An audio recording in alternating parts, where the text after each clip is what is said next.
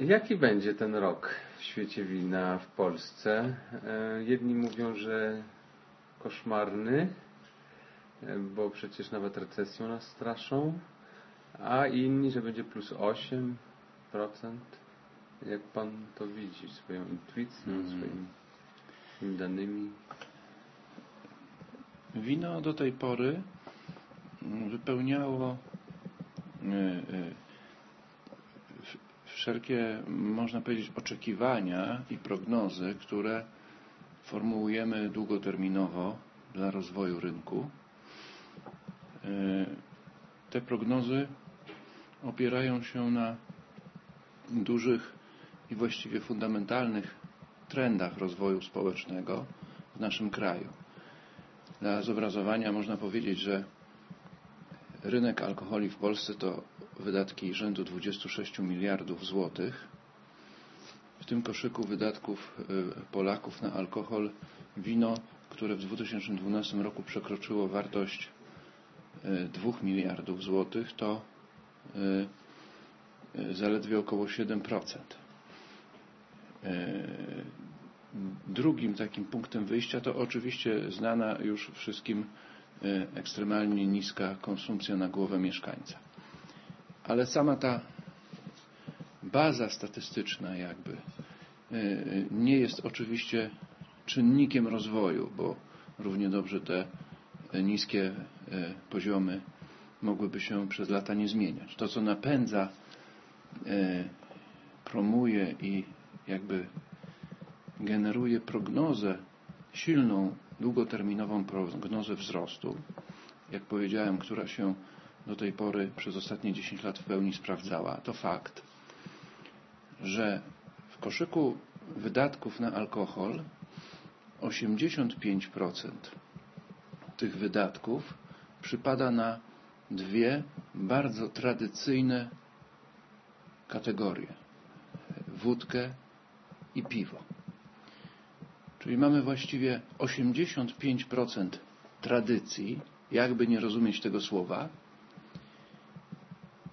i 7% napojów alkoholowych, które wiążą się ściśle i są promowane i idą właściwie ręka w rękę z takimi zjawiskami e, jak wzrost dochodów, wzrost edukacji, wzrost roli kobiet w życiu społecznym i jako konsumentek, e, rozwój kultury wielkomiejskiej, e, rozwój w ogóle czegoś takiego jak podróżowanie i turystyka, zmiany w ogóle wartości i norm w świecie pracy i na koniec oczywiście całe w ostatnich latach e, e, rozbudzone życie kulinarne Polaków włącznie z zaangażowaniem głównych mediów. Jak widzimy, mówimy tutaj o zjawiskach, które są w stanie zdeterminować dużo większe skutki niż rozwój konsumpcji wina.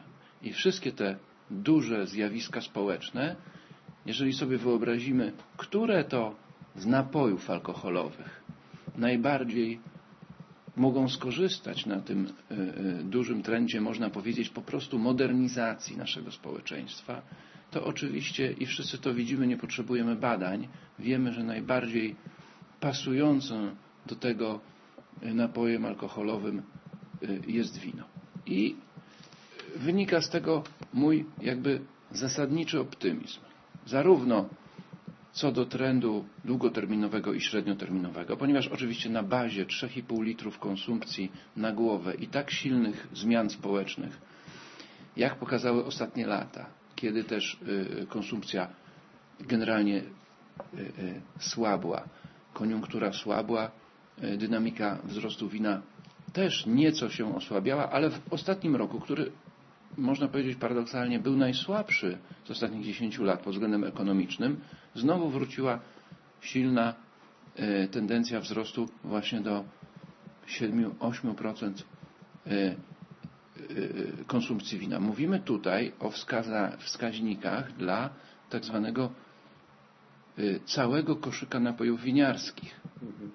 Jeżeli przeciętny obywatel czy czytelnik z winem bardziej kojarzy tak zwane wina spokojne czy stołowe, to trzeba wiedzieć, że właściwie nieomalże cały wzrost rynku winiarskiego wartości 2 miliardów złotych był w ostatnich latach generowany przez wina spokojne, y, które ważą za około miliard trzysta. To znaczy tempo wzrostu konsumpcji wina, nie mówimy o szampanach, czy wermutach, czy różnych innych napojach winiarskich, było cały czas w okolicach y, y, dwucyfrowe.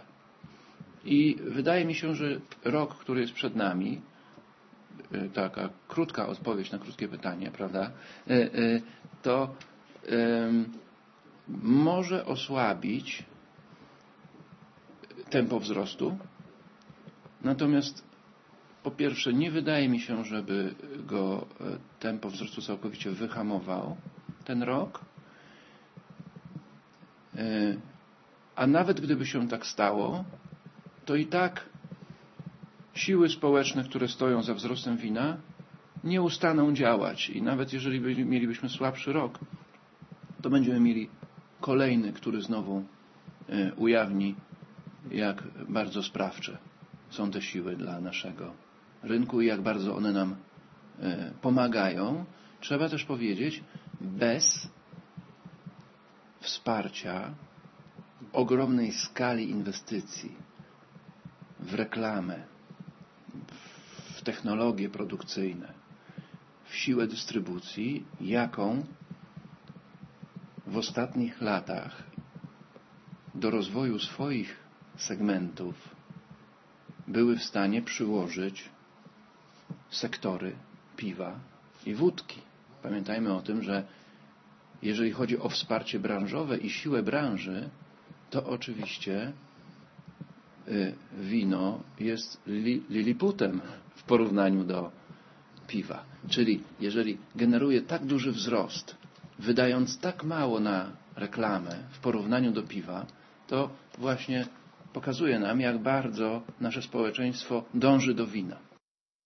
Tym niemniej, wszyscy, którzy uczestniczymy aktywnie w tym rynku wina, tak. dostrzegamy, że, że e, za tym wzrostem idą też problemy, że musimy zniuansować też mówienie o wzroście. Tak. Wiemy, że najbardziej rosną w tej chwili e, sklepy takie jak dyskonty. Tak że sklepy specjalistyczne z winem no, aż tak e, wspaniałych e, wyników nie notują. Tak. Dla wielu tak naprawdę obecny czas jest trudny. Tak. Czy to się według Pana utrzyma? Co ma sobie myśleć taki mały sklep z winem o nadchodzących czasach?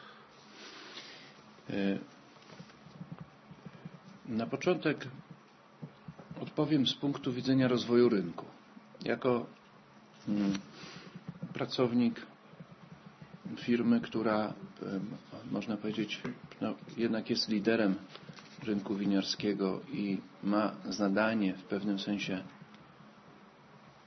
obserwowania i kształtowania swoich działań z perspektywy całego rynku, e, to, no to taka perspektywa jest dla mnie jakby tym pierwszym obowiązkiem, prawda? E, młody, rozwijający się rynek,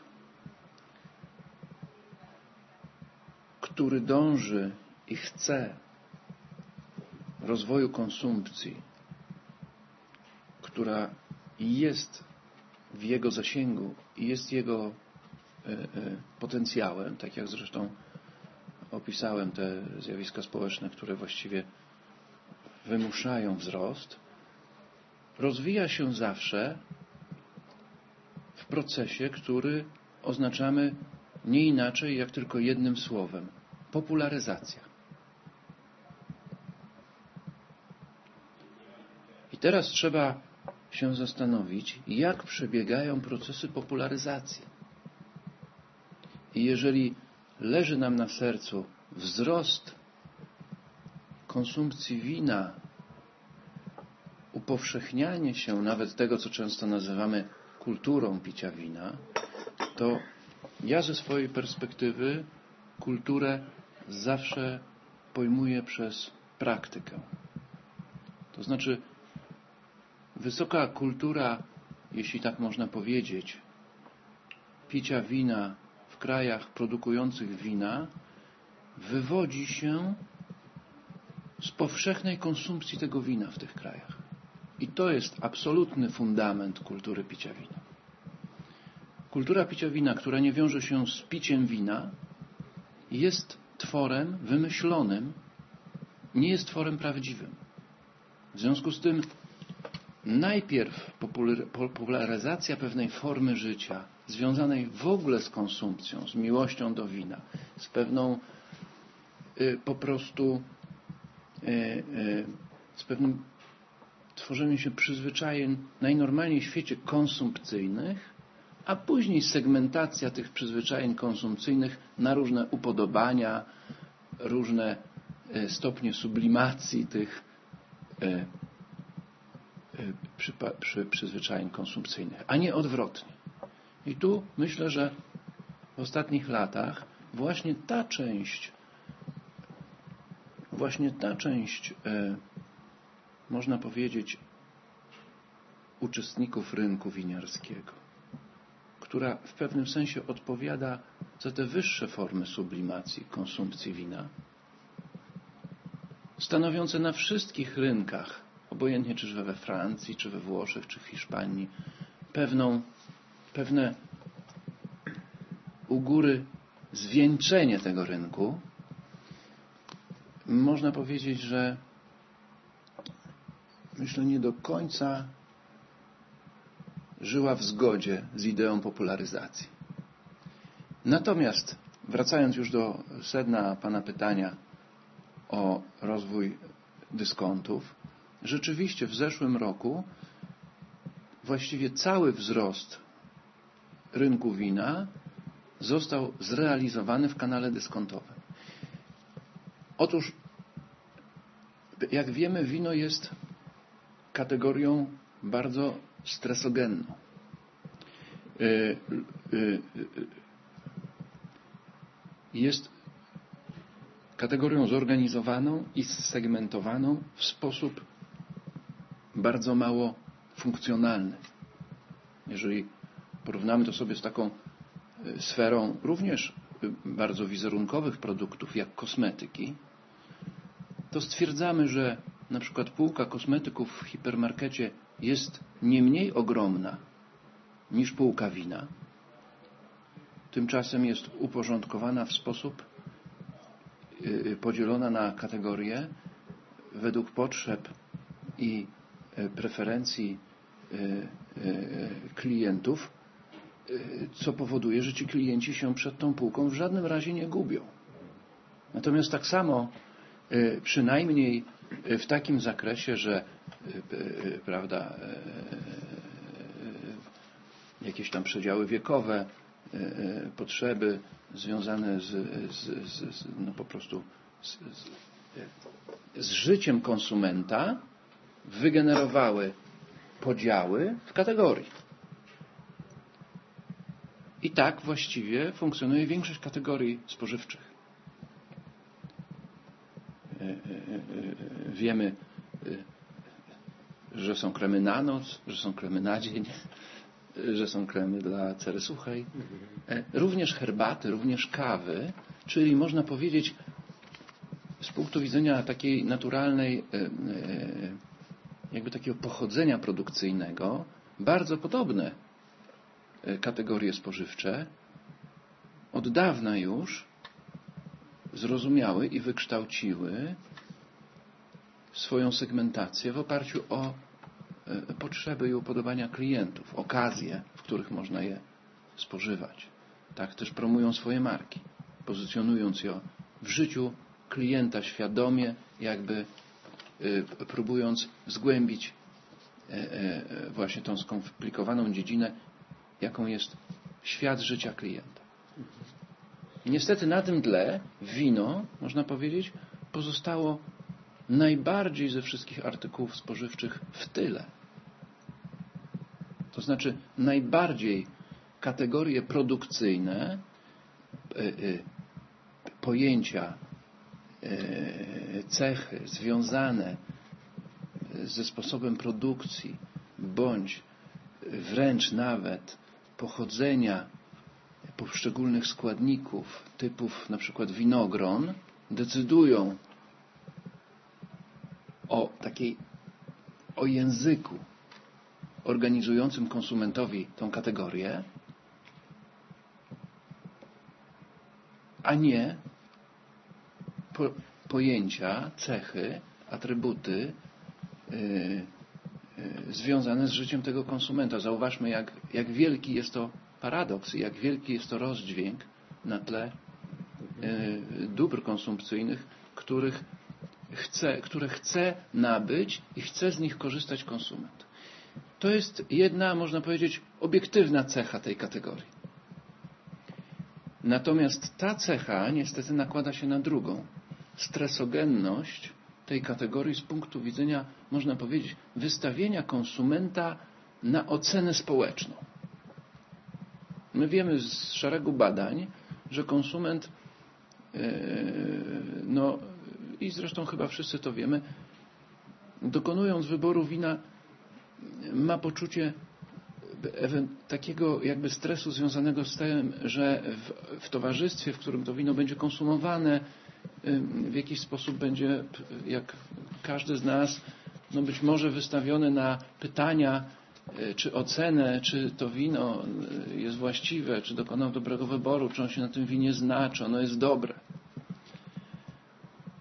Kolejny fakt, który e, utrudnia konsumentom życie, jest również niespotykany w innych kategoriach rozrzut smakowy. I to nie mam na myśli pomiędzy słodkim a wytrawnym. Tylko w ramach win wytrawnych, i to pokazują y, y, również badania konsumenckie, zresztą każdy się o tym pewnie już przekonał, konsument może natrafić na wina, któremu po prostu subiektywnie ale w swojej masie jest to zjawisko obiektywne, wybitnie nie smakują i wina, które mu bardzo smakują. Niezależnie od tego, jak oceniamy powody tego faktu, to ani y, y, przy zakupie piwa, ani z kilkoma być może wyjątkami egzotycznych piw, które zresztą konsument identyfikuje, E, ani przy zakupie innych dzisiaj już artykułów spożywczych konsument nie jest skonfrontowany z tak wysokim stopniem ryzyka dokonania nietrafnego zakupu z punktu widzenia tego, czy ten produkt najnormalniej w świecie będzie mu smakował. Wymieniam w tej chwili świadomie w mojej ocenie obiektywne cechy naszego biznesu, w jego relacji do konsumenta. Co to wszystko oznacza?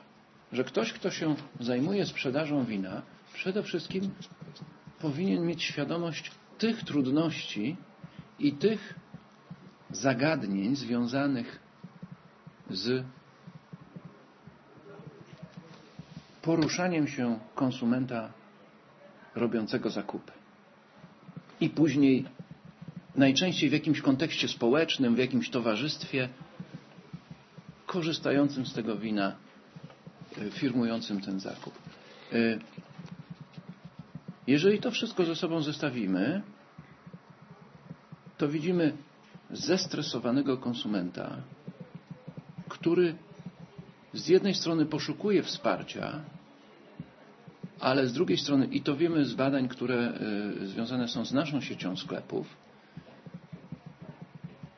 w ogromnej swojej części, czy w ogromnej rzeszy tych konsumentów unika takiego rodzaju wsparcia, jakie często otrzymuje w sklepach winiarskich.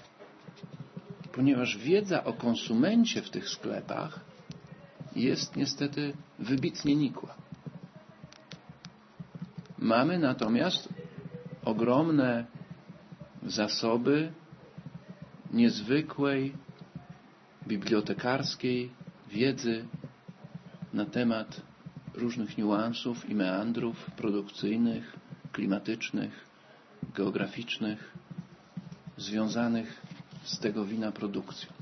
To jest trochę tak, jakbyśmy powiedzieli, że to jest jedyna kategoria w rynku, której marketingiem rządzą rolnicy. Yy, I w tej sytuacji do akcji na pomoc konsumentom wkraczają dyskonty, które posiadają asortyment niereprezentatywny, wybiórczy, właściwie okazjonalny, oparty na własnych okazjach zakupowych. I ten właściwie zaopatrzeniowych. zaopatrzeniowych, tak. Tam, gdzie mają okazję kupić taniej, te wina kupują, wstawiają na półkę. Nie ma to również nic wspólnego z jakimś podziałem tej kategorii, tego co próbują robić supermarkety czy hipermarkety, czy oczywiście również sklepy specjalistyczne, żeby te wina reprezentowały jakiś przekrój potrzeb oczywiście, już nie mówię o przekroju geograficznym, bo niestety najczęściej to e, sklepy specjalistyczne opierają się, tak jak mówię, na przekrojach e, takich produktowych, produkcyjnych, ale nawet jakiekolwiek byłyby to nie e, kryteria, to z tymi kryteriami oczywiście dyskonty niewiele mają wspólnego. Dlaczego więc z punktu widzenia społecznego odnoszą tak ogromny sukces? Odnoszą w mojej ocenie tak ogromny sukces z powodów, które wcześniej opisałem. Konsument jest gotów nawet wybrać sobie okazję cenową do jakiegokolwiek wina, nie zastanawiając się nawet specjalnie, czy ono odpowiada jego preferencjom, zwłaszcza konsument, który wchodzi do kategorii, czyli w naszym rynku, pamiętajmy, że 3,5 litra konsumpcji na głowę mieszkańca to znaczy bardzo rzadka konsumpcja. W związku z czym jego przyzwyczajenia są wybitnie niewykształcone w tym względzie. I woli y, mieć poczucie dokonania ekonomicznie trafnego wyboru, niż wikłać się w kategorię, w której nikt mu skutecznie nie jest w stanie dzisiaj pomóc. Y, I dlatego jest dla mnie rzeczą całkowicie zrozumiałą, po pierwsze, że dyskonty odnoszą duży sukces w tej fazie i w takich okolicznościach działania rynku, a po drugie, osobiście z tego się cieszę. Cieszę się tego nie z tego nie tylko dla nas, którzy zresztą z sieciami dyskontowymi praktycznie nie mamy biznesu w winach spokojnych. Nie sprzedajemy ani jednej butelki wina w roku do sieci dyskontowych. Ale cieszę się dlatego, ponieważ konsument znalazł dzięki dyskontom pierwszą ścieżkę do wina. Czyli, jak to się mówi w żargonie marketingowym, to dyskontery dokonują pracy rekrutacyjnej, która zbuduje fundament dla wzrostu tego rynku. E, I ci konsumenci, którzy do kategorii wejdą, oczywiście wykształcą swoje, swoje upodobania i będą poszukiwali różnych innych win, wówczas przechodząc do hipermarketu, do supermarketu i również do sklepów specjalistycznych. Nasze sklepy specjalistyczne przyjęły w związku z tym strategię, która y, definitywnie oparta jest na kompetencji konsumenckiej. Asortyment wina dostosowany jest do wyników tych badań, analiz, obserwacji, e, które jesteśmy w stanie z naszymi konsumentami przeprowadzić. Nasza grupa wydaje około miliona złotych rocznie na badania rynkowe. E, I mm, mamy nadzieję, że dzięki temu ten ważny sektor uzupełniający konsumpcję wina w każdym kraju. Trzeba pamiętać, że zawsze jest to uzupełnienie konsumpcji. I taką funkcję po prostu te sklepy pełnią. E, będzie mógł swoją rolę wypełniać lepiej, w pewnym sensie nawet powiedziałbym rzetelniej wobec konsumenta. Bo widzę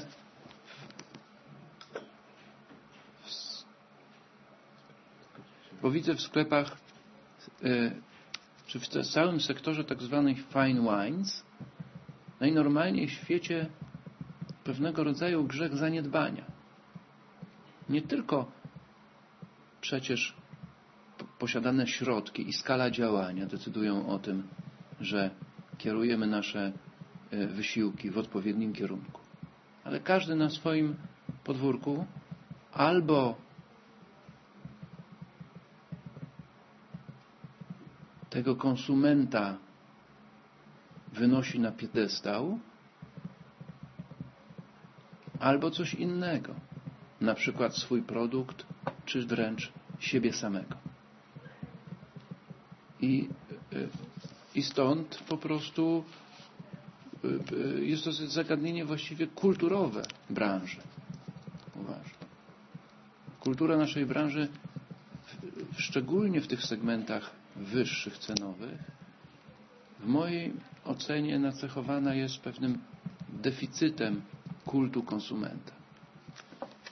Konsument, każdy, kto zajmuje się biznesem, właściwie to powie w zaawansowanych, jakby marketingowo formach uprawiania biznesu, że konsument jest z zasady istotą obdarzoną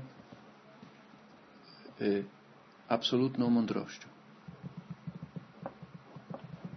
I tą właśnie sferę tej mądrości konsumenckiej każdy biznes stara się usilnie zgłębić, ponieważ tylko jakby w sferze tej mądrości jest źródło jego powodzenia.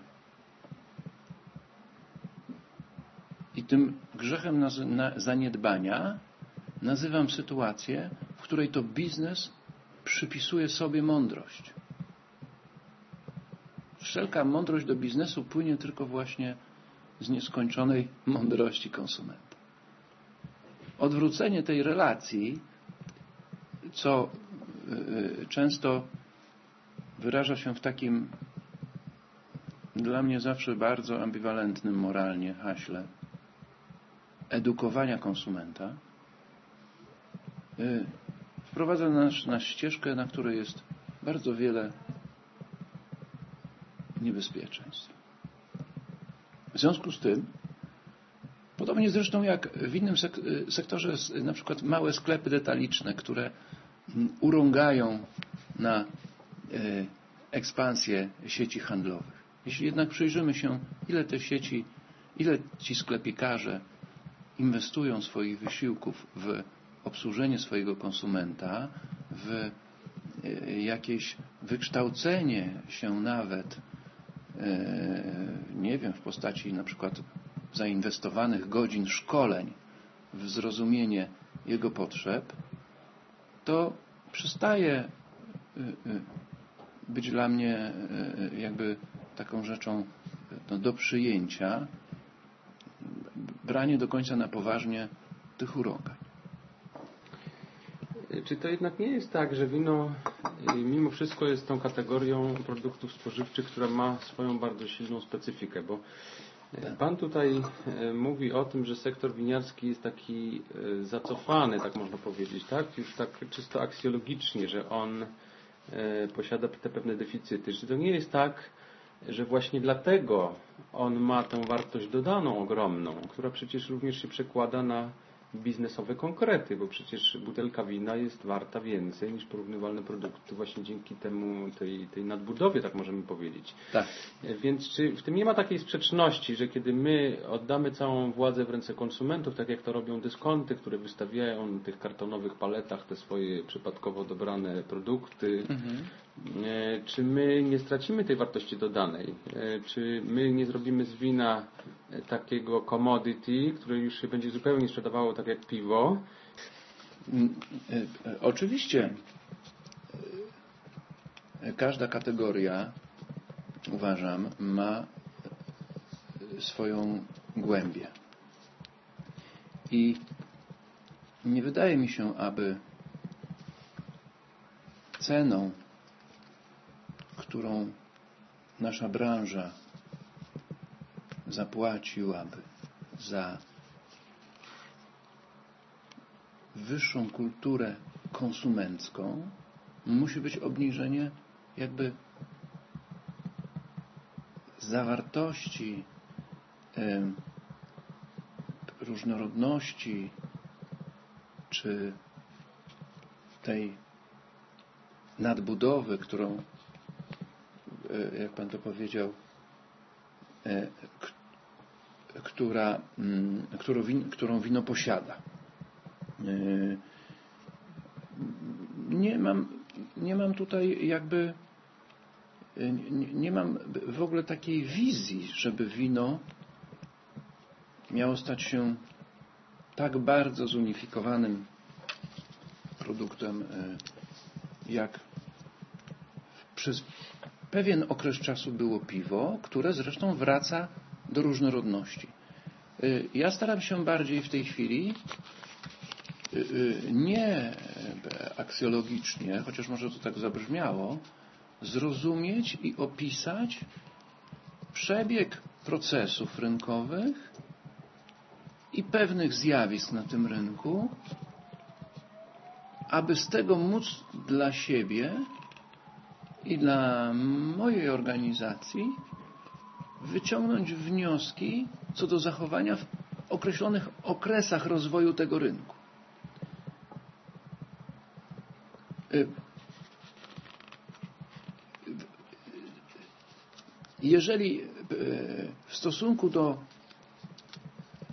do tych działań, czy do tego sektora rynku fine wines w mojej wypowiedzi odniosłem się z pewną dozą e, krytyczności, to po pierwsze dlatego, że e, e, leży mi ten sektor na sercu, że jest to sektor ludzi jakby zaangażowanych w wino, więc jakby gromadzi duży potencjał osób, sił, energii, który jakby, którzy się w, który się w, w rozwój tego rynku angażuje i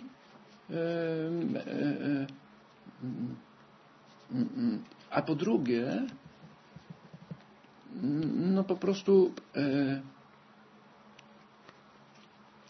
wiąże się to z faktem, iż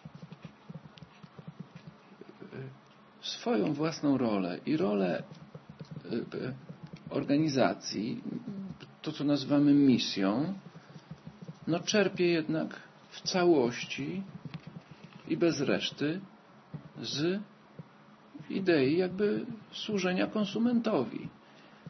E, I wydaje mi się, że te różne zjawiska, które obserwujemy dzisiaj, można powiedzieć, raz jest jednym gorzej, raz jest innym gorzej, a znowu innym lepiej, one właściwie potwierdzają jedyną tezę, że jedynym mądrym jest konsument. I też nie wydaje mi się, że wino trzeba zunifikować, bo to konsument sobie przecież tego nie życzy, zresztą tak jak, sam jak, jak Pan powiedział, ale co nie znaczy, żeby nie rozwinąć większych kompetencji, żeby to na przykład w pewnym języku objaśniać, żeby ten język był dla konsumenta zrozumiały. Zresztą mam wrażenie, że język naprawdę rzetelnej produkcji, tak między nami mówiąc, wina,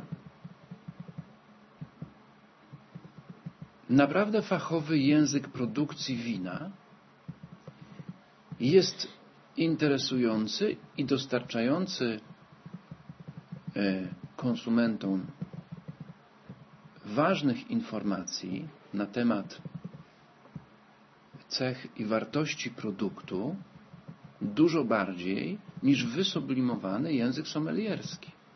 Weźmy chociażby, nie wiem, wino typu Amarone, które kosztuje dużo. Albo w ogóle sam fakt, że wino może kosztować, nie wiem, jedno wino może kosztować cztery razy więcej niż inne. Jak wiemy, produkcja wina może przebiegać w sposób wybitnie zróżnicowany pod względem zarówno kosztu wytworzenia tego wina, jak i ryzyka związanego z jakością. I na koniec w sposób bardzo obiektywny te różne koncepcje produkcji wina produku, prowadzą do wyprodukowania, jak to niektórzy winiarzy mówią, do bardzo różnej wartości soku. Jeżeli ktoś zbiera z hektara 20-25 ton winogron, fermentuje w miarę szybkim tempie te winogrona y, i postawimy sobie z takiego procesu produkcyjnego. Kieliszek wina, a następnie obok postawimy kieliszek wina od winiarza czy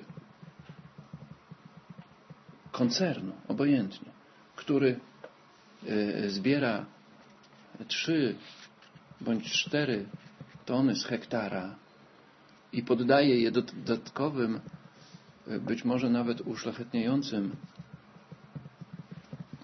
czasochłonnym, kapitałochłonnym procesom produkcyjnym, to każdy konsument zauważy,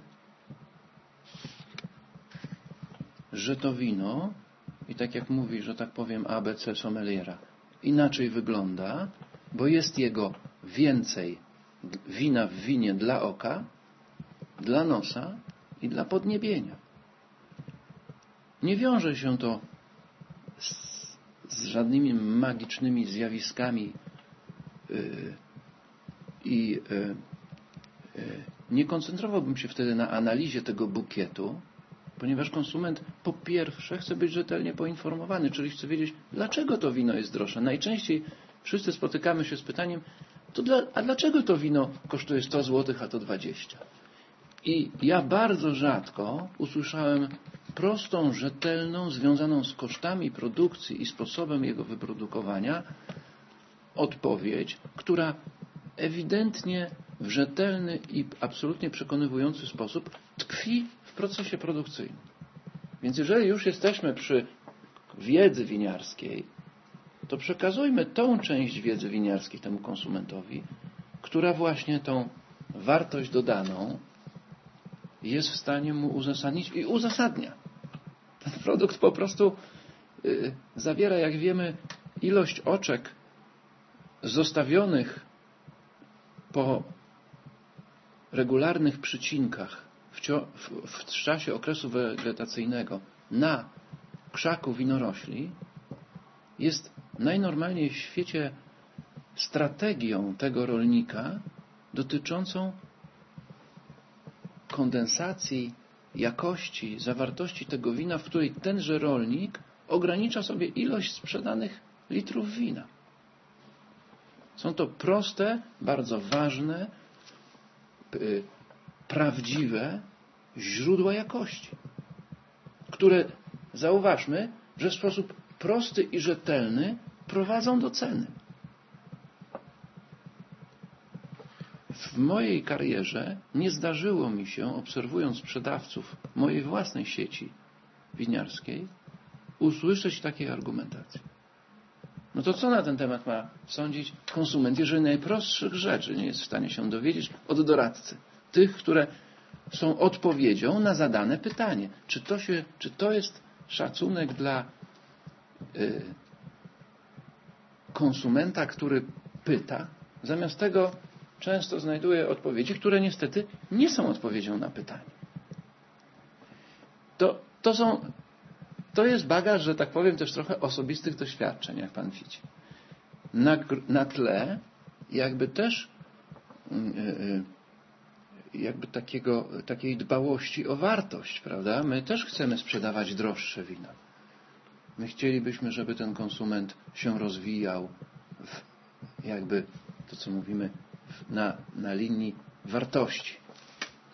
Ale trzeba to zbudować w świecie konsumenta, a nie w świecie pojęciowości, w której tak na koniec tego konsumenta stresuje, daje mu wrażenie dowolności bądź jakiejś wirtuozerii, której on nie jest w stanie na przykład przełożyć swojemu otoczeniu. Bo po pierwsze takich, takich słów w ogóle nie używa, jak niektórzy z naszych wirtuozów. Y, a po drugie, sam nie rozumie, albo inaczej, doskonale rozumie, że nie jest to wyjaśnienie zagadnienia wartości. Pomimo, że tak jak wiemy, jak yy, wspomniałem na tym przykładzie, te wyjaśnienia absolutnie ten produkt posiada. To jest też jakby kultura, prawda? To jest kultura, to jest naprawdę kultura winiarska. Tak, tak bym to powiedział. Ludzie, którzy produkują wino, a nasza grupa produkuje w tej chwili około 250 milionów butelek we Francji, w Niemczech i w Polsce, posługują się językiem winiarstwa, kompetencji, produkcji. Ale jest to język wzięty z realiów procesu produkcyjnego, który prowadzi do wyceny. Nie mówimy tutaj oczywiście o tych zjawiskach tak zwanego high-end, gdzie rynek i popyt na rarytasy winduje cenę. Tak jak zresztą we wszystkich kategoriach. Są i kosmetyki high-end, i, i zapewne herbaty high-end e, i różne rzeczy. E, no tylko, że ilu konsumentów, ilu konsumentów porusza się w tym świecie i żadnemu z graczy, nawet najbardziej nobliwych i, i wysublimowanych, na przykład grupie L'Oreal czy innej, która posiada przecież całą gamę e, aż do nieskończoności produktów o, o, o, o cenach również zawrotnych, nie przyszłoby do głowy tym językiem z tego świata najwyższej sublimacji rozmawiać z konsumentami, którzy kupują e, L'Oreala e, w hipermarkecie. I tu chodzi o to właśnie, że znowu z kim mamy do czynienia? Z jakim konsumentem? Jakie są jego potrzeby? Co on powinien wiedzieć? Co on będzie swojemu otoczeniu komunikował, żeby czuł się komfortowo i mógł jakby reprezentować dokonany zakup? Bo bardzo ważną rzeczą jest nie tylko dokonanie zakupu, to widzimy z badań, ale dojrzałe biznesy analizują i mierzą poczucie zadowolenia z zakupu i poczucie kompetencji po zakupie. A te poczucie kompetencji bierze się na przykład z tego, że konsument jest w stanie wyjaśnić, dlaczego dokonał takiego zakupu. Niestety większość naszych konsumentów, mówię o 38 milionach Polaków, a nie 10 tysiącach ludzi w Polsce, nie jest w stanie wyjaśnić, dlaczego dokonała takiego zakupu. Więc nawet jeśli go dokonuje, i tu następne jest źródło y, y, przewagi dyskontów w dzisiejszej fazie rozwoju naszej branży ponieważ przynajmniej tam może powiedzieć dlaczego. Ponieważ miał bardzo dobrą cenę. A co jest w stanie powiedzieć na temat win, które kupuje w hipermarkecie? Bardzo niewiele. Jeżeli kupił i smakuje, no to uratował go ten smak. Bo wszystkim zasmakowało. Ale jak wiemy, y, można się w winie bardzo pomylić. Także ja myślę, że rynek będzie rozwijał się dobrze. Rynek jest wspaniały. Y, konsument zachowuje się w nim super kompetentnie, y, y, promuje tych, którzy mu dogadzają, wcale nie życzy sobie żadnej unifikacji i też dyskonty jej nie wprowadzą, raczej rozwiną swoją kompetencję w kierunku takiego quasi supermarketu kompaktowego, jak widać w strategii Biedronki i zresztą w strategii Lidla. Więc yy, wszyscy możemy także, można powiedzieć, cieszyć się z tego ogromnego potencjału, z tej ogromnej aprecjacji społecznej, jaką mamy, tylko wydaje mi się, yy, ten będzie odnosił sukces, który fascynację, którą jakby wino nam daje, tym tą naturą, różnorodnością, y, będzie w stanie wyrazić i przełożyć i połączyć y, z obsesją, tak jak mój dział marketingu napisał sobie y, w, strategii swoją misję, mamy obsesję na punkcie konsumenta. z obsesją na punkcie konsumenta. Biznes bez obsesji na, na punkcie konsumenta nie jest biznesem. W związku z tym można być miłośnikiem wina, ale niekoniecznie można odnieść sukces w biznesie.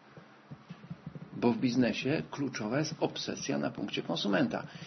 W kategorii, która nas fascynuje. Jasne, bo ja muszę wnieść swoją autentyczną i prawdziwą fascynację tego, co temu konsumentowi proponuję. Natomiast jak już mówię, że jest to propozycja, no to wiemy z wszystkich nawet naszych takich z wiedzy społecznej, socjologicznej, że kompetencja społeczna y, jakby no, no, no polega na tym, że ta zagadka, którą jest dla nas drugi człowiek, jest, staje się przedmiotem naszych y, jakby takich żarliwych ambicji, że chcemy tego drugiego człowieka poznać, a nie, jak to się nieraz mówi, siebie jemu sprzedać.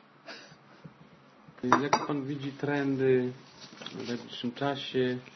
Jakie kraje będą najbardziej popularne? Czy Nowy Świat y, jakoś wróci do gry, się umocni? Bo w tej chwili obserwujemy jednak wzmocnienie Europy i to na tak. wszystkich y, poziomach. Y, tak. Takie przynajmniej można odnieść wrażenie, czy wina, jakie wina, czy wina na przykład musujące, czy różowe, takie dwie kategorie, które na razie w Polsce są małe.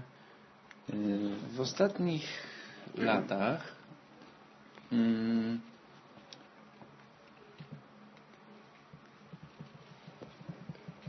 jakby segmentacja rynku wina i rozwój tych poszczególnych segmentów e, wyglądała e, tak, że mm, w szczególności wina różowe, prawda, urosły z pozycji niszowej do 10%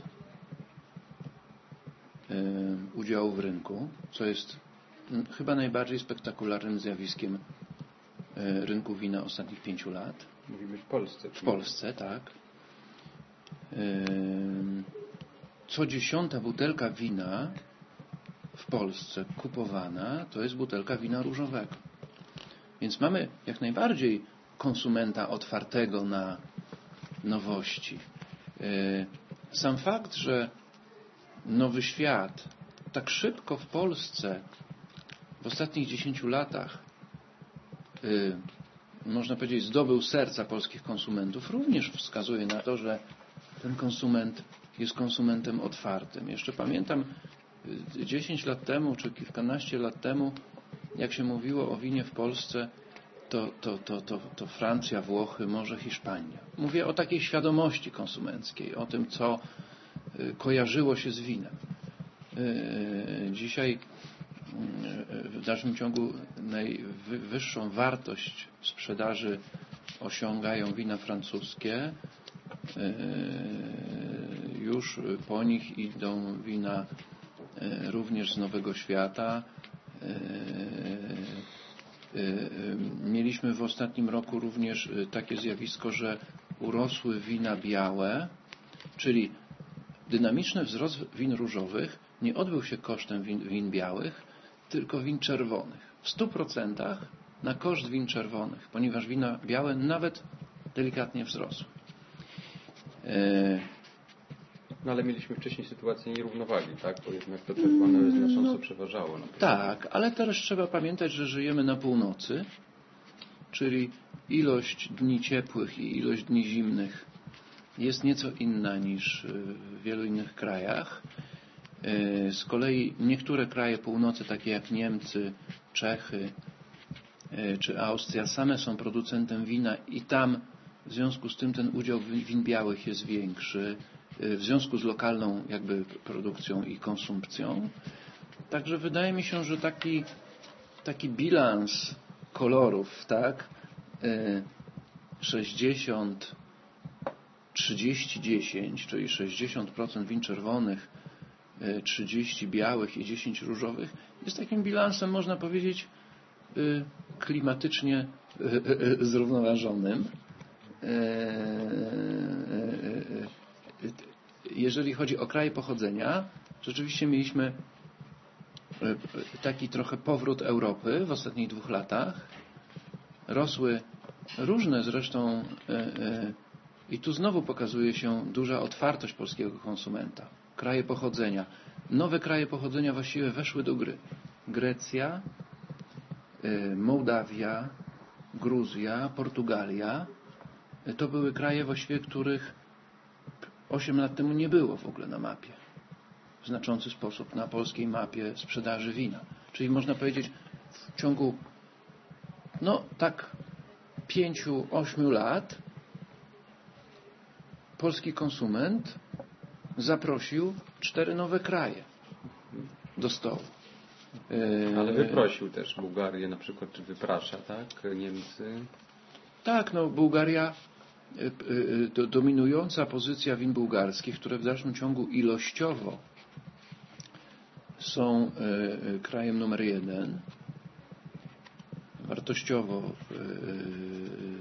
spadły za, za Francją są, no, brała się po prostu ze zjawiska ograniczonej dostępności. To samo zresztą dotyczy wysokiej kiedyś pozycji i nadal znaczącej win węgierskich.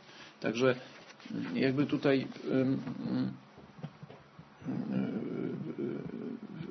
nie przywiązywałbym do tego wielkiej wagi. No po prostu jak wiemy innych win właściwie nie było. Bułgaria też trzeba powiedzieć, że w ostatnich latach dokonała bardzo dużych postępów. Pamiętamy, że jeszcze 10 lat temu wina bułgarskie to właściwie wszystkie plasowały się w strefie do poniżej 10 zł. Większość z nich miała jedną nazwę, stolicy tego kraju, zresztą bardzo piękną oczywiście. Natomiast jak dzisiaj popatrzymy na segmentację win bułgarskich i sprzedaż i segmenty cenowe, to wina bułgarskie plasują się na półce od, od, od powiedzmy 8, ale do 30 zł i wśród na przykład liderów sprzedaży w segmencie 20 do 30 zł znajdują się jeden bądź dwa wina bułgarskie. To znaczy dystrybutorzy i producenci w Bułgarii, zresztą to wiemy, bo tam szereg inwestycji, tak samo jak w Rumunii i w innych krajach miało miejsce, jaka dekoncentracja tego rynku, powstanie nowych projektów winiarskich spowodowały, że na polskim rynku wartość jakby tego portfela i tego segmentu i od strony finansowej, tak? czyli średnia cena sprzedaży, którą konsument po prostu kupuje i od strony jakościowej znacząco się podniosła. Polski rynek, reasumując, dokonał ogromnego skoku jakościowego w tym wszystkim, co sprzedaje, co konsument dzisiaj może kupić w supermarkecie. To również wpływa i można powiedzieć, wpływa i tworzy wyzwanie dla sklepów specjalistycznych, tak? Ponieważ kiedyś można było powiedzieć rozdziew między tym, co można było kupić w supermarkecie. Jak jednak słaba, trzeba powiedzieć, jakość, taka średnia tego wina i ryzyko dokonania niewłaściwego zakupu była 10 lat temu, a dzisiaj w porównaniu do oferty, dzisiaj dobry hipermarket autentycznie konkuruje z ofertą sklepu specjalistycznego w strefie do 50 zł. A pamiętajmy, że do 50 zł realizuje się 95% polskiego rynku wina. Więc jeżeli prowadzimy debatę na temat rozwoju rynku wina, no to trzeba pamiętać, że w 95% jest debata o rozwoju rynku wina do 50 zł. I tutaj ogromne postępy po prostu nastąpiły. Jeżeli chodzi teraz o Europę versus Nowy Świat, to Europa oczywiście już w zeszłym roku i w tym roku będzie miała ogromnie ciężko z uwagi na nieznany w skali do tej pory wzrost cen wina w Europie właśnie. Yy, zwłaszcza w tych segmentach yy, niższych i średnich, tam gdzie wina europejskie jednak dominowały rynek na przykład supermarketów, prawda, czyli powiedzmy w strefie 10-15 zł 10-20 zł. Bardzo trudno było znaleźć wino z Nowego Świata.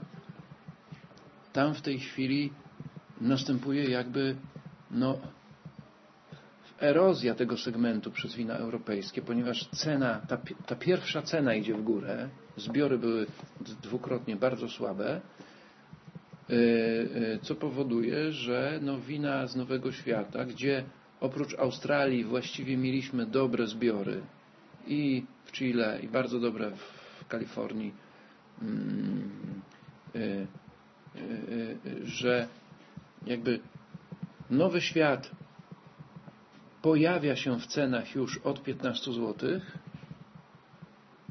a stary świat ma dużą trudność, żeby dobre produkty poniżej tej ceny w ogóle pokazać na rynku. Także niestety sytuacja po prostu taka makroekonomiczna albo konkretnie mówiąc y, no, y, wolumen zbioru i y, relacja popytu i podaży w, w Europie na wino powoduje, że konkurencyjność win europejskich dramatycznie spadła. I myślę, że to może być y, takim, y, takim trochę tematem przewodnim na następne dwa lata polskiego rynku, kiedy no, znikną na pewno włoskie wina czy hiszpańskie wina poniżej 10 zł. I będzie pytanie, y, jak będzie wyglądała w ogóle segmentacja cenowa. Kto tutaj jakby jak to się przetasuje na nowo. Ale na pewno y, bardzo silne argumenty w tej chwili przemawiają za wzrostem y, win z Nowego Świata.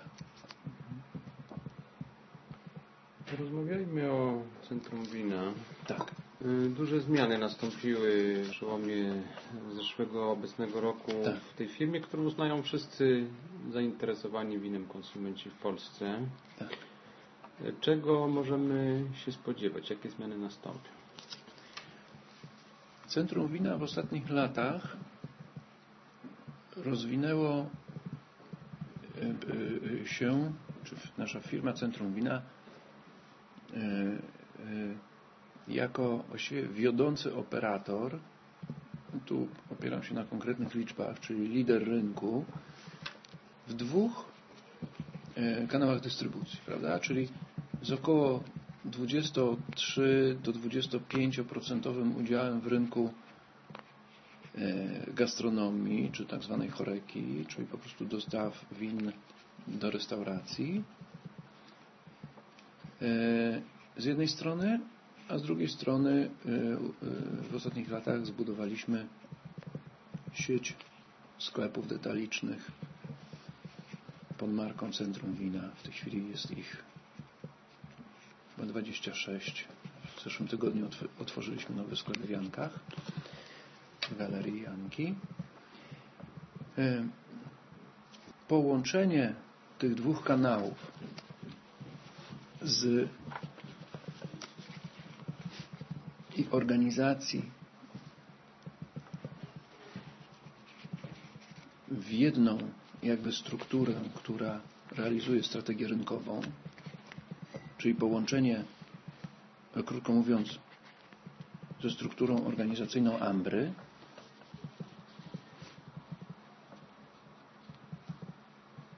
ma na celu przede wszystkim jakby zwiększenie kompetencji i, jeśli się tak można wyrazić, siły ekspansji tych kanałów, w swoich obszarach rynkowych.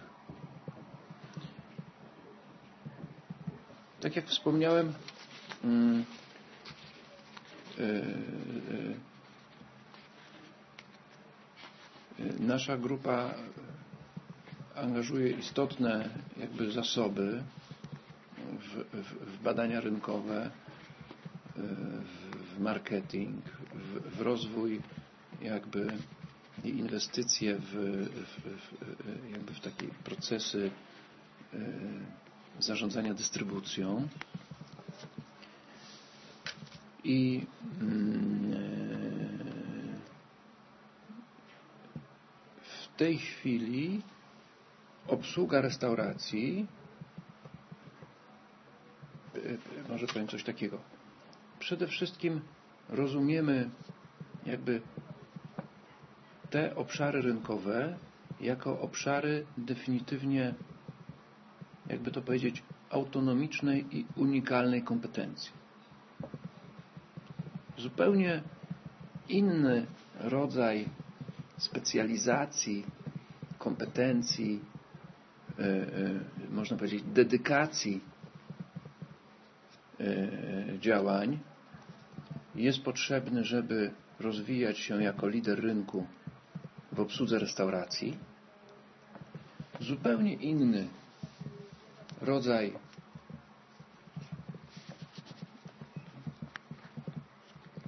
operacji biznesowej decyduje o sukcesie sieci sklepów. Bo sieć sklepów w galeriach handlowych to po prostu działalność detaliczna. Z wszystkimi wynikającymi z tego konsekwencjami bycia detalistą. I jeszcze inny rodzaj specjalizacji y, potrzebny jest do budowy marek dedykowanych do po prostu rynku handlu spożywczego, takich jak Chin czy El Sol. I także związany z samą obsługą tego rynku. To znaczy, że właściwie w tej chwili w jednej organizacji będą i działają już w tej chwili trzy dedykowane specjalistyczne dywizje, które jednak czerpią ze wspólnych zasobów e,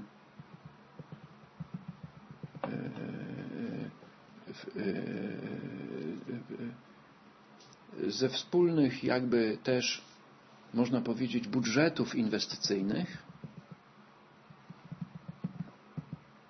i decyzję o tym, w który obszar zainwestować większe środki i wzmocnić na przykład e, organizację sprzedaży czy wsparcie,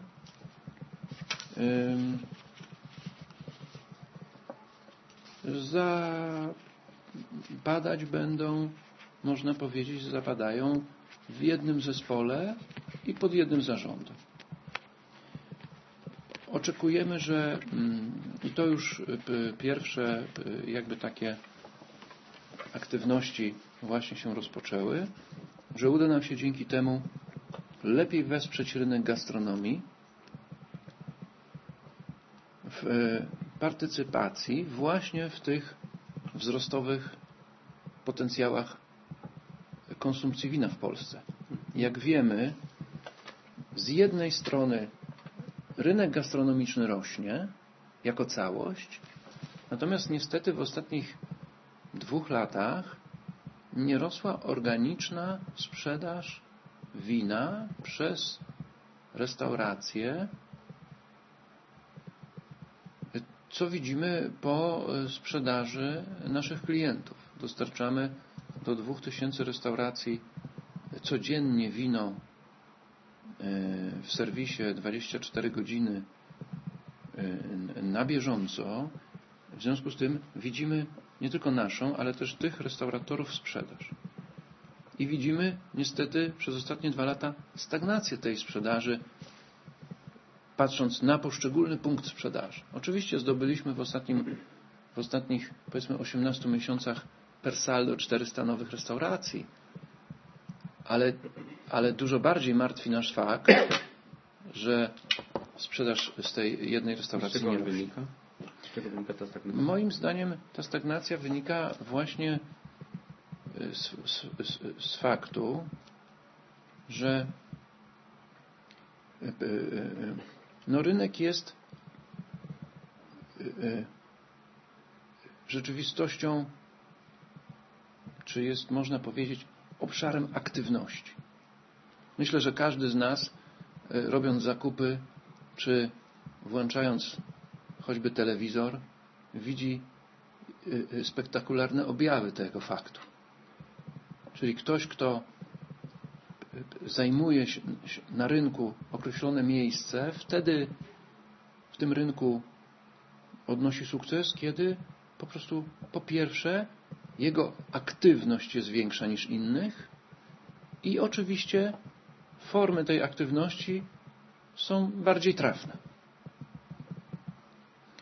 I na tle rosnącej aktywności graczy rynkowych, czyli miejsc, gdzie można po prostu zakupić i spożyć wino, czy to sieci handlowych, czy nawet sieci lokalnych, prawda?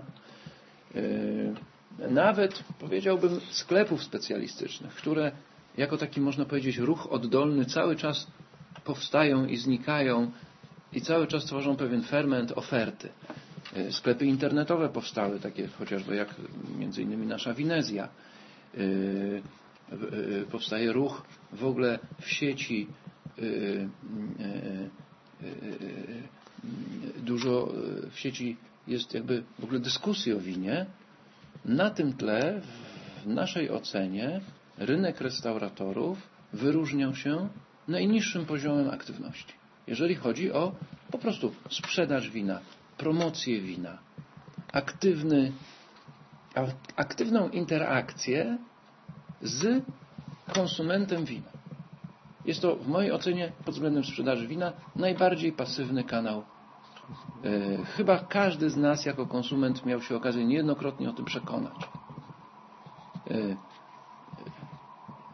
promocja, czy w najszerszym tego słowa znaczeniu, to nie musi być zawsze promocja cenowa, ale podkreślę, że to również powinna być promocja cenowa. Y, jest rzeczą w, w, w polskiej gastronomii stosunkowo mało rozpowszechnioną.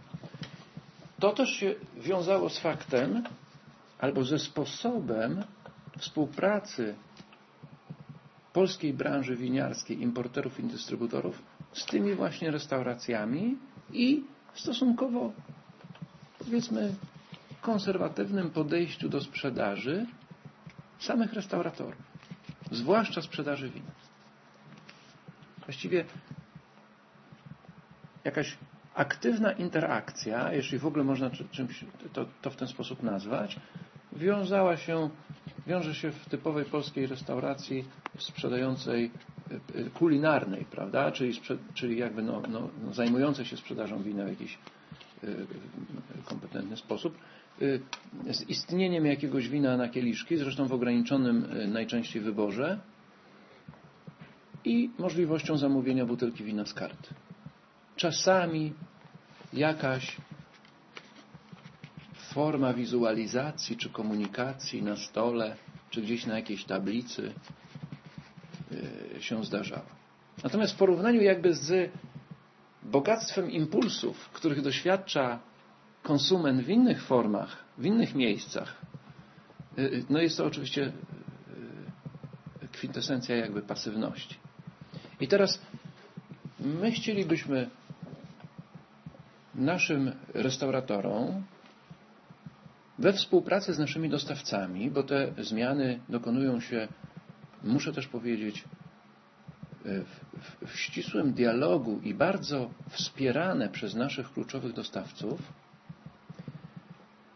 przenieść te środki, te ambicje, również te zasoby finansowe, które, którymi dysponujemy i którymi dysponują nasi dostawcy, w taki sposób, w postaci budżetów, wszyscy w branży wiedzą, że y, y, dystrybucja, partnerstwo y, z, z, z ważnym międzynarodowym graczem wina dysponującym markami, międzynarodowymi markami, wiąże się z, z programami marketingowymi. Te programy marketingowe, oczywiście z tych programów marketingowych, z tych aktywacji określonych tematów czy, czy dostawców, konsument odwiedzający restaurację właściwie niczego nie zauważył do tej pory. W związku z tym, że te duże grupy dostawców, czy, czy, czy, czy jakby wiodący międzynarodowi dostawcy, współpracują z nami w kilku kanałach dystrybucji. Tak?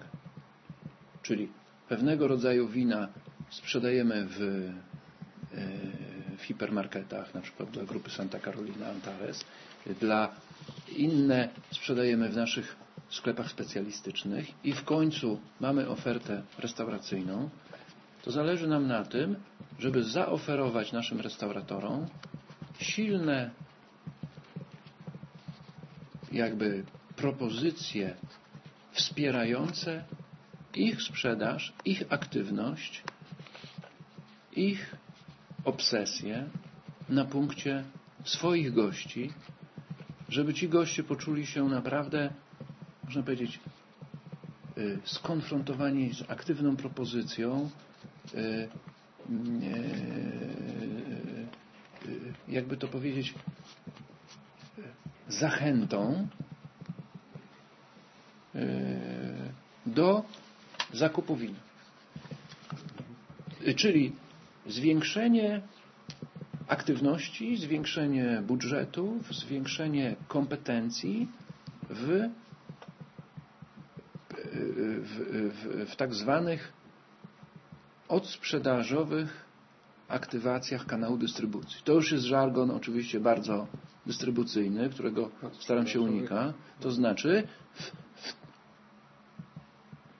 trzeba powiedzieć, że na przykład nasze budżety i nasze wszystkie procesy wspierające sprzedaż skierowane do kanałów dystrybucji, takich jak na przykład mm, e, e, e, sieci handlowe czy rynek tradycyjny, są skonstruowane i realizowane finansowo w oparciu o sprzedaży do konsumenta. Duże zasoby, posiada, które posiadamy, chcemy w tej chwili w podobny sposób uruchomić w odniesieniu do tych restauratorów i na korzyść tych restauratorów, którzy chcą się wobec konsumenta uaktywnić.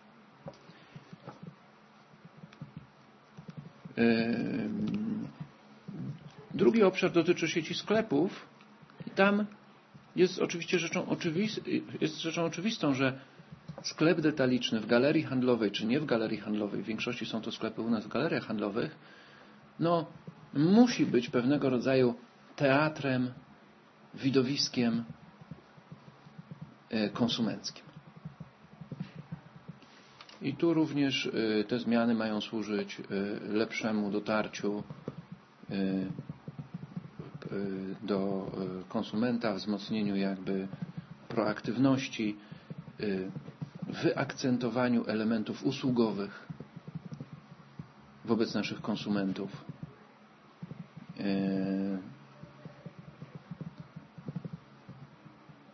Co pozwoli nam na jakby szybsze zdobywanie tych dwóch rynków i, i jakby no też jako lider rynkowy czujemy się w obowiązku, żeby te kanały dystrybucji po prostu aktywować.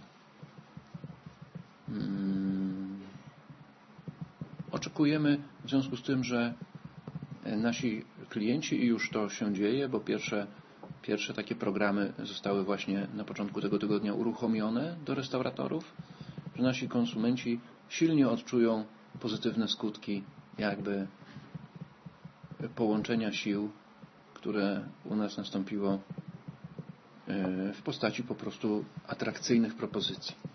A nam mam nadzieję, przyniesie to po prostu wzrost sprzedaży. Mhm. Jeżeli chodzi o same sklepy Centrum Wino, to jaka jedna główna, najważniejsza zmiana tam nastąpi dla, dla istniejących konsumentów, których jest wielu? Tak. Gdyby, miał Pan wymienić taką jedną rzecz, która się dla nich zmieni w najbliższym czasie. W naszych sklepach prowadzimy program konsumencki pod nazwą Kocham Wino, w którym zrzeszonych jest już 23 tysiące y, naszych wiernych konsumentów. Jednocześnie, jak y, y, może niektórym wiadomo, na rynku warszawskim działają dwa wine bary,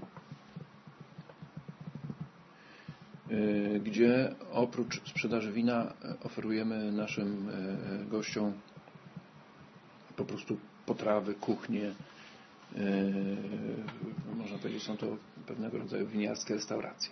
Po trzecie, w, w 2010 roku uruchomiliśmy nowy projekt dla nas pionierski portalu internetowego połączonego ze sprzedażą wina pod marką Winezja, która stała się na przestrzeni ostatnich dwóch lat liderem w sprzedaży wina i posiada 16% w rynku sprzedaży w sieci przez sklepy specjalistyczne i 8% w całej sprzedaży, uwzględniając sprzedaż Tesco, e, Piotra i Pawła, tak, w rynku sprzedaży win w sieci. E, chyba najważniejszą w tej chwili, w pierwszym etapie zmianą i korzyścią, którą chcemy e, uruchomić dla naszych klientów, jest objęcie Winezji, czyli sprzedaży internetowej oraz naszych winebarów programem Kocham Wino.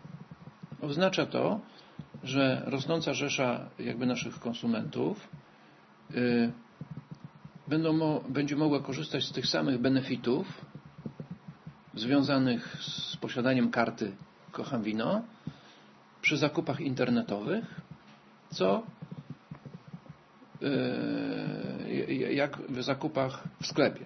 Z drugiej strony 8 tysięcy zarejestrowanych internautów yy, kupujących nasze wina będą mogli oczywiście w oparciu o program Kocham Wino zasięgnąć porady, że tak powiem, live i odwiedzić sklepy, żeby na przykład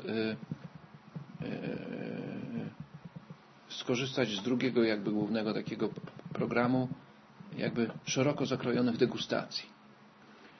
I w końcu na razie klienci warszawscy będą mogli poczuć się jak u siebie w domu, korzystając z rabatów i benefitów również od dzisiaj dokładnie przysługujących im w naszych winebarach także y, po prostu na usługi gastronomiczne. To jest pierwszy jakby y, pierwszy program integracyjny z myślą jakby o takim, można powiedzieć, takiej idei Wino 24 pełnej obsługi i pełnej dostępności naszej oferty dla naszych klientów.